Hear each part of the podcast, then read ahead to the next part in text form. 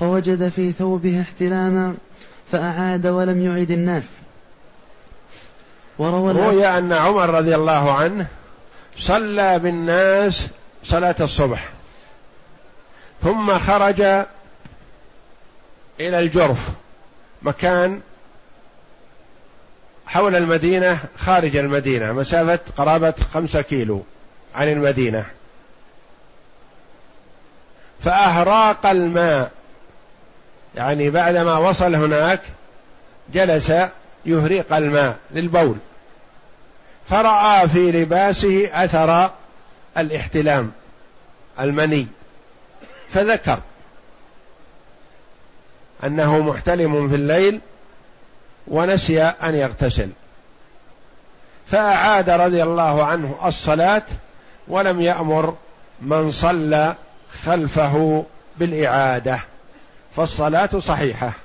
فمثلا لو نسي الإمام الجنابة التي عليه أو نسي أن يتوضأ يظن أنه متوضأ فلم يتوضأ وقد ثم تذكر بعد ذلك أنه أحدث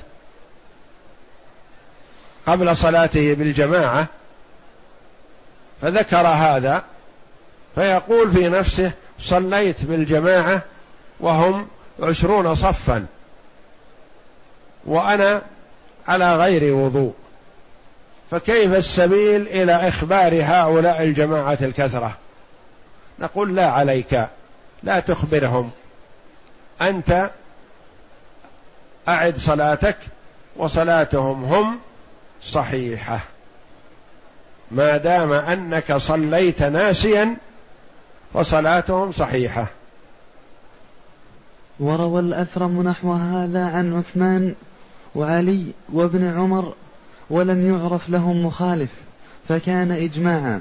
كما روي صحة ذلك عن عثمان رضي الله عنه وعن علي رضي الله عنه وعن ابن عمر رضي الله عنه ولم يعرف لهم مخالف من الصحابة. كلهم قالوا في من صلى محدث أو جنب ناسيا حدثه أو جنابته فصلاته فصلاة الجماعة الذين صلوا خلفه صحيحة وصلاته هو غير صحيحة إذا ذكر فعليه أن يعيدها. نعم. ولأن هذا مما يخفى فكان المأموم معذورا في الاقتداء به. يعني يحصل هذا وينسى فيعذر المأموم في هذا بأن صلاته صحيحة وماذا يدرينا عن إمامنا أنه مثلا صلى كذا ولا صلى كذا؟ ما ندري. ولا يلزمنا أن نسأله أو نقول هل توضأت قبل أن تصلي؟ هل اغتسلت من الجنابة قبل أن تصلي؟ لا. والإمام ينسى فقد يصلي بالجماعة وهو جنب وقد يصلي بهم وهو محدث حدث أصغر ناسيا ثم يذكر بعد ذلك. فعليه أن يعيد هو الصلاة والجماعة صلاتهم صحيحة. ولأن هذا مما يخفى فكان المأموم معذورا في الاقتداء به. والنجاسة كالحدث لأنها مما تخفى. نعم. ولا يعفى عن سائر الشروط لأنها ليست في مظنة الخفاء. نعم. ولا يعفى عن سائر الشروط. من ضمن الشروط ستر العورة. لو صلى الإمام كاشفا لعورته مثلا ما صحت صلاته في نفسه ولا صحت صلاة الجماعة. لما صحت صلاة الجماعة في الرجل الذي صلى بهم وهو جنب وما صحت في الصلاة صلاة من صلى بهم مظهرا لعورته نعم هناك فرق. صحت صلاة الجماعة في من كان جنبا لأن هذا يخفى. وما صحت صلاة الجماعة في من صلى بهم مبديا لعورته لأن هذا لا يخفى يشاهد. فكيف نصلي خلفه وقد أظهر عورته؟ نعم. فإن علم الإمام والمأموم فإن علم الإمام والمأموم ذلك في أثناء الصلاة لزمهم الاستئناف وحكي عنه في المأموم أنه يبني على ما مضى كما لو سبق الإمام الحدث. فإن علموا وهم في الصلاة. علم الإمام وهو في الصلاة. يجب عليه أن ينصرف. ثم ما حكم المأموم؟ هل يستأنف الصلاة؟ أو يستخلفون من يصلي بهم؟ قولان. القول الأول قال يستأنفوا. لما؟ لأنهم علموا أن أول صلاتهم صارت خلف إمام محدث أو جنب.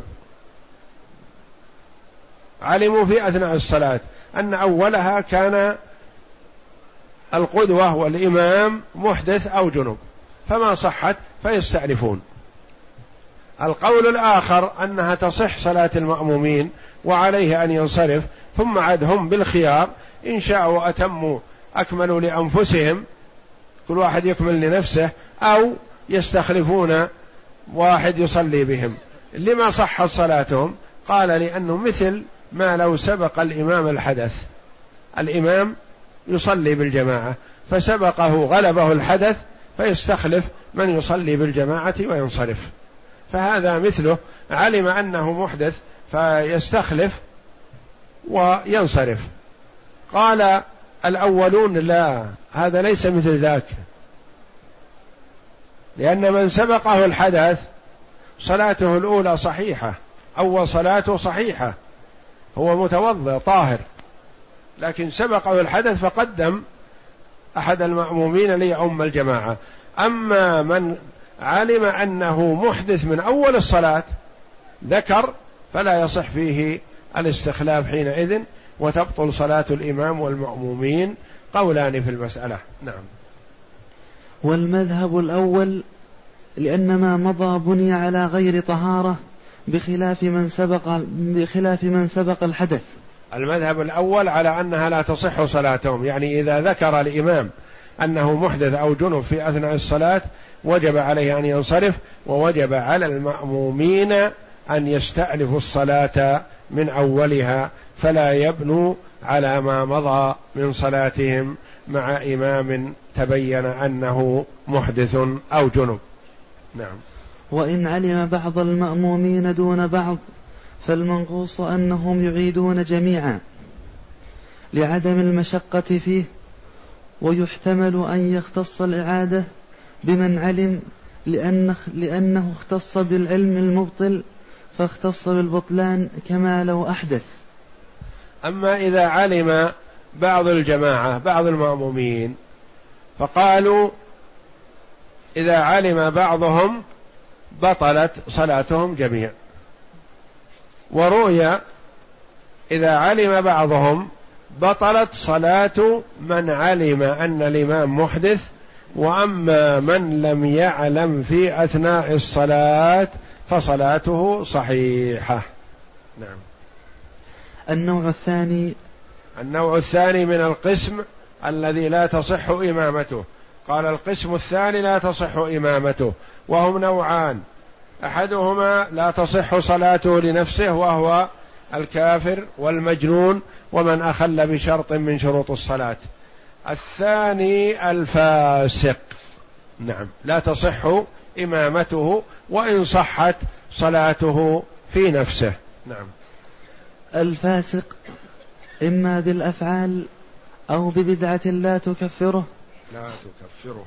أو نعم. ببدعة لا تكفره ففي إمامته روايتان. إحدى النوع الثاني الفاسق. الفاسق المرت... الفاسق نوعان. فاسق بارتكاب كبيرة من كبائر الذنوب وفاسق بكونه مبتدع صاحب بدعة. على خلاف سنة رسول الله صلى الله عليه وسلم. فهذا الفاسق بالأفعال مثل الشارب للخمر ومثل من حصل منه الزنا مثل من حصل منه السرقة مثل العاق لوالديه مثل قاطع الرحم. هؤلاء كلهم فساق وهل تصح صلاتهم أو لا؟ فساق بالأفعال. النوع الثاني فاسق بالاعتقاد وهو الواقع المرتكب لبدعة من البدع المعتقد لبدعة من البدع التي لا تكفره. أما إذا كانت البدعة مكفرة مثلا فإنه يلحق بالكافر الذي لا تصح صلاته في نفسه ولا لغيره. مثلا البدعة المكفرة مثلا من اعتقد أن الله جل وعلا تعالى وتقدس حال في كل مكان. تعالى الله عما يقول الظالمون علوا كبيرا. من اعتقد هذه هذا الاعتقاد وعلم وعرف ولم يرجع عن معتقده كفر. لأن الله جل وعلا أخبر عن نفسه أنه على العرش استوى. فمن اعتقد أن الله تعالى حال في كل مكان فقد كفر بالقرآن وكذب القرآن. فهذا كافر. بدعته هذه مكفرة. يعني تجعله يكون كافرا. ولا ولا يقال إن بدعته غير مكفرة. البدعة غير المكفرة مثلا من يهتم أو يسعى أو يحرص على الاحتفالات بمولد النبي صلى الله عليه وسلم. هذه بدعة على خلاف سنة رسول الله صلى الله عليه وسلم لكنها لا تصل إلى حد التكفير لا يقال إن صاحبها كافر. فهي بدعة غير مكفرة. نعم. أحدهما تصح لقول روايتان يعني في صحة إمامة هؤلاء الفاسق والمبتدع روايتان. الرواية الأولى تصح إمامته. نعم. تصح لقول النبي صلى الله عليه وسلم لأبي ذر رضي الله عنه كيف أنت إذا كانت عليك أمراء أمراء. يميتون الصلاة أمراء, أمراء يميتون الصلاة عن وقتها. قال قلت فما تأمرني؟ قال صل الصلاة لوقتها فإن أدركتها معهم فصل فإنها لك نافلة. من المسند. نعم وكان. وكان ابن عمر يصلي وراء الحجاج والحسن وراء الحجاج والحسن والحسن, والحسن والحسين رضي الله عنهما يصليان وراء مروان. والحسن والحسين يصليان وراء مروان. هؤلاء الفاسق والمبتدع في إمامته روايتان.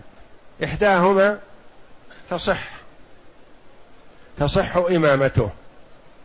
لقول النبي صلى الله عليه وسلم لأبي ذر رضي الله عنه وهذا علامة من علامة نبوته صلى الله عليه وسلم أخبر عن شيء لم يقع بأنه سيقع ووقع كما أخبر صلى الله عليه وسلم. كيف أنت إذا كانت عليك أمراء يميتون الصلاة عن وقتها. أبو ذر رضي الله عنه من أفاضل الصحابة ومن عبادهم ومن الزهاد ومن السابقين إلى الإسلام. فكان من أول المسلمين ويروى أنه قال كنت ثلث الإسلام رضي الله عنه وأرضاه. و وقد قال النبي صلى الله عليه وسلم أصدق الناس لهجة أبا ذر. أو أبو ذر رضي الله عنه. أصدق ما في الناس أصدق لهجة من أبي ذر أو كما قال صلى الله عليه وسلم. فقد أثنى النبي صلى الله عليه وسلم على أبي ذر رضي الله عنه بالصدق. و فقال له النبي صلى الله عليه وسلم كيف أنت يا أبا ذر؟ إذا كان عليك أمراء يميتون الصلاة عن وقتها. يعني يؤخرون الصلاة. لا يصلون صلاة الظهر إلا قرب العصر ولا يصلون العصر إلا قرب المغرب ولا يصلون يؤخرون الصلاة عن أوقاتها. ماذا ما هو موقف أبو ذر رضي الله عنه؟ استرشد من النبي صلى الله عليه وسلم. انظر إلى حسن أدب الصحابة رضي الله عنهم. ما تخرص وقال أعمل كذا أو أعمل كذا أو أقاتلهم أو أنازعهم لا.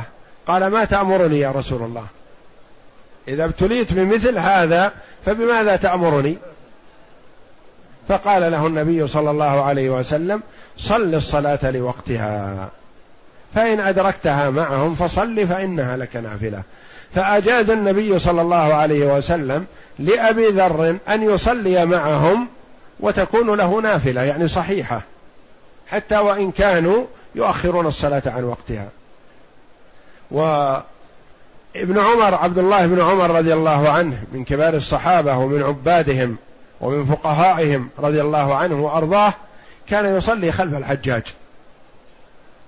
الحجاج كان اميرا على مكة وأمره عبد الملك بن مروان على الحج وكان ابن عمر رضي الله عنه كذلك من الحجاج.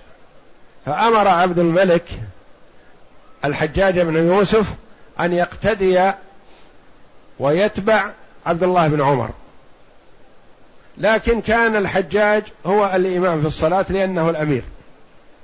فكان يتقدم في الصلاة وكان ابن عمر رضي الله عنه يصلي خلفه. فما قال رضي الله عنه إن الحجاج فاسق فلا تصح الصلاة خلفه بل صلى خلفه رضي الله عنه مع ما عرف عنه من الظلم والتعدي والتجاوز وله حسنات وأمره إلى الله جل وعلا. له حسنات وقد ارتكب كبيرا كثيرا من كبائر الذنوب فالأمر إلى الله جل وعلا. لكن الشاهد عندنا أن ابن عمر رضي الله عنه مع فقهه وورعه وزهده رضي الله عنه كان يصلي الصلوات في المشاعر وغيرها خلف الحجاج. وكذلك كان الحسن والحسين ابن علي بن أبي طالب رضي الله عنهما عنهم وهما ابن فاطمة بنت رسول الله صلى الله عليه وسلم رضي الله عنها وعنهم كانوا يصلون وراء مروان ابن الحكم وفيه ما فيه والله أعلم بحاله. نعم. فدل هذا على أن إمامة من عرف بالفسق أو الظلم أو التعدي تصح. هذه الرواية الأولى. نعم. والثانية لا تصح لأن جابر رضي الله عنه قال سمعت رسول الله صلى الله عليه وسلم يقول لا تؤمن امرأة لا تؤمن. لا تؤمن امرأة رجلا ولا فاجر مؤمنا إلا أن يقهر إلا أن يقهره بسلطان أو يخاف سوطه أو سيفه. رواه ابن ماجه. ولأنه لا يؤمن على شرائط الصلاة ويحتمل أن تصح الجمعة والعيد دون غيرهما لأن النبي صلى الله عليه وسلم أمر بهما خلف كل بر وفاجر ولأنها تختص بإمام واحد فالمنع منها خلف الفاسق يقتضي يفضي يفضي. يفضي إلى تفويتها فسومح فيها دون سائر الصلوات. الرواية الثانية عرفنا الرواية الأولى أنها تصح الصلاة خلف الفاسق بارتكابه لكبيرة من كبائر الذنوب أو كونه مبتدع بدعة غير مكفرة. وأما الكافر والمبتدع بدعة مكفرة فأولئك لا تصح الصلاة خلفهم. فالرواية الأولى في الفاسق المرتكب لكبيرة والمبتدع بدعة, بدعة غير مكفرة أنها تصح الصلاة خلفهم. لما؟ لأن ابن عمر صلى خلف الحجاج ولأن الحسن والحسين رضي الله عنهم صلوا خلف مروان ابن الحكم وغيره. والرواية الثانية لا تصح يعني لا يصح للرجل أن يصلي خلف فاسق أو مبتدع وإن كانت بدعته غير مكفرة. لما قلتم هذا؟ نقول لأن جابر بن عبد الله رضي الله عنه قال سمعت رسول الله صلى الله عليه وسلم يقول لا يؤمن امرأة لا تؤمن امرأة رجلا. يعني لا يصلح أن تكون المرأة إماما للرجل. يعني حتى وإن كانت المرأة متعلمة وفقيهة ومحدثة لا يصح أن تكون إمامة للرجال وإن كانوا أقل منها علما فالمرأة لا تصلح للإمامة للرجال إنما سيأتينا أنها تصلح إمامة لمثلها تصلح إمامة لمثلها للنساء. لا تؤمن امرأة رجلا ولا فاجر مؤمنا. لا يؤم الفاجر الذي هو الفاسق المؤمن الرجل الصالح إلا أن يقهره بسلطان أو يخاف أن يقهره بسلطان أو يخاف سوطه أو سيفه. هذا الحديث رواه ابن ماجه. لذا قالت الرواية الثانية لا يصح أن يصلي المؤمن خلف الفاسق الفاجر. قول ثالث في المسألة فرقوا بين الصلاة خلف الفاسق في الصلوات الخمس وبين الجمع والعيد. قالوا لا يصح أن تصلي الصلوات الخمس خلف الفاسق. لأنك تجد غيره بحمد الله. لن يكون الأئمة كلهم فساق. تجد غيره فصلي خلف الصالح. لكن في الجمعة والعيدين قالوا تصح. لما؟ لأن الجمعة غالبا في البلد واحد. والعيدان كذلك في البلد واحد سنة واحدة. فربما كان الإمام فاسق. مثلا فيفوت على الجماعة صلاة العيدين وصلاة الجمعة. فقالوا تصح في الجمعة والعيدين ولا تصح في الصلوات الخمس. إذا في المسألة الصلاة خلف الفاسق ثلاثة أقوال. القول الأول أنها تصح لفعل الصحابة رضي الله عنهم. القول الثاني أنها لا تصح. لأن النبي صلى الله عليه وسلم قال لا تؤمن امرأة رجلا ولا فاجر مؤمنا إلا أن يقهره بسلطان أو يخاف سيفه أو سوطه. الرواية القول الثالث التفصيل. قالوا تصح خلف الفاسق في الجمعة والعيدين. ولا تصح خلف الفاسق في الصلوات الخمس. ولعل هذا والله أعلم هو الأقرب لأنه هو الذي يعطيه الأدلة. لأن بالنسبة لفعل الصحابة رضي الله عنهم ابن عمر والحسن والحسين رضي الله عنهم هؤلاء صلوا خلف أئمة أمراء فصحت صلاتهم. وبالنسبة للحديث كذلك قال ولا فاجر مؤمنا إلا أن يقهره. إذا كان قاهر غالب بالسيف أو السوط له سلطة. فكلها تجتمع في الأخير القول الثالث الذي هو صحة الصلاة خلف الفاسق في العيدين والجمعة وعدم الصحة في غيرها لأن الأمر فيه سعة. والإنسان ليس مضطرا لأن يصلي خلفه والفاسق قد يصلي بلا وضوء والفاسق قد يصلي وهو على جنابه والفاسق قد لا يقيم أركان الصلاة لأنه غير مؤتمن على دينه. غير مؤتمن في نفسه فلا نأمنه على ديننا.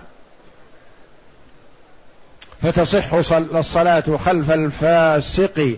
في الأشياء العامة التي لا مندوحة عنها كالعيدين والجمعة ولا تصح خلفه فيما في الأمر سعة. والله أعلم. وصلى الله وسلم وبارك على عبده ورسول نبينا محمد وعلى آله وصحبه أجمعين.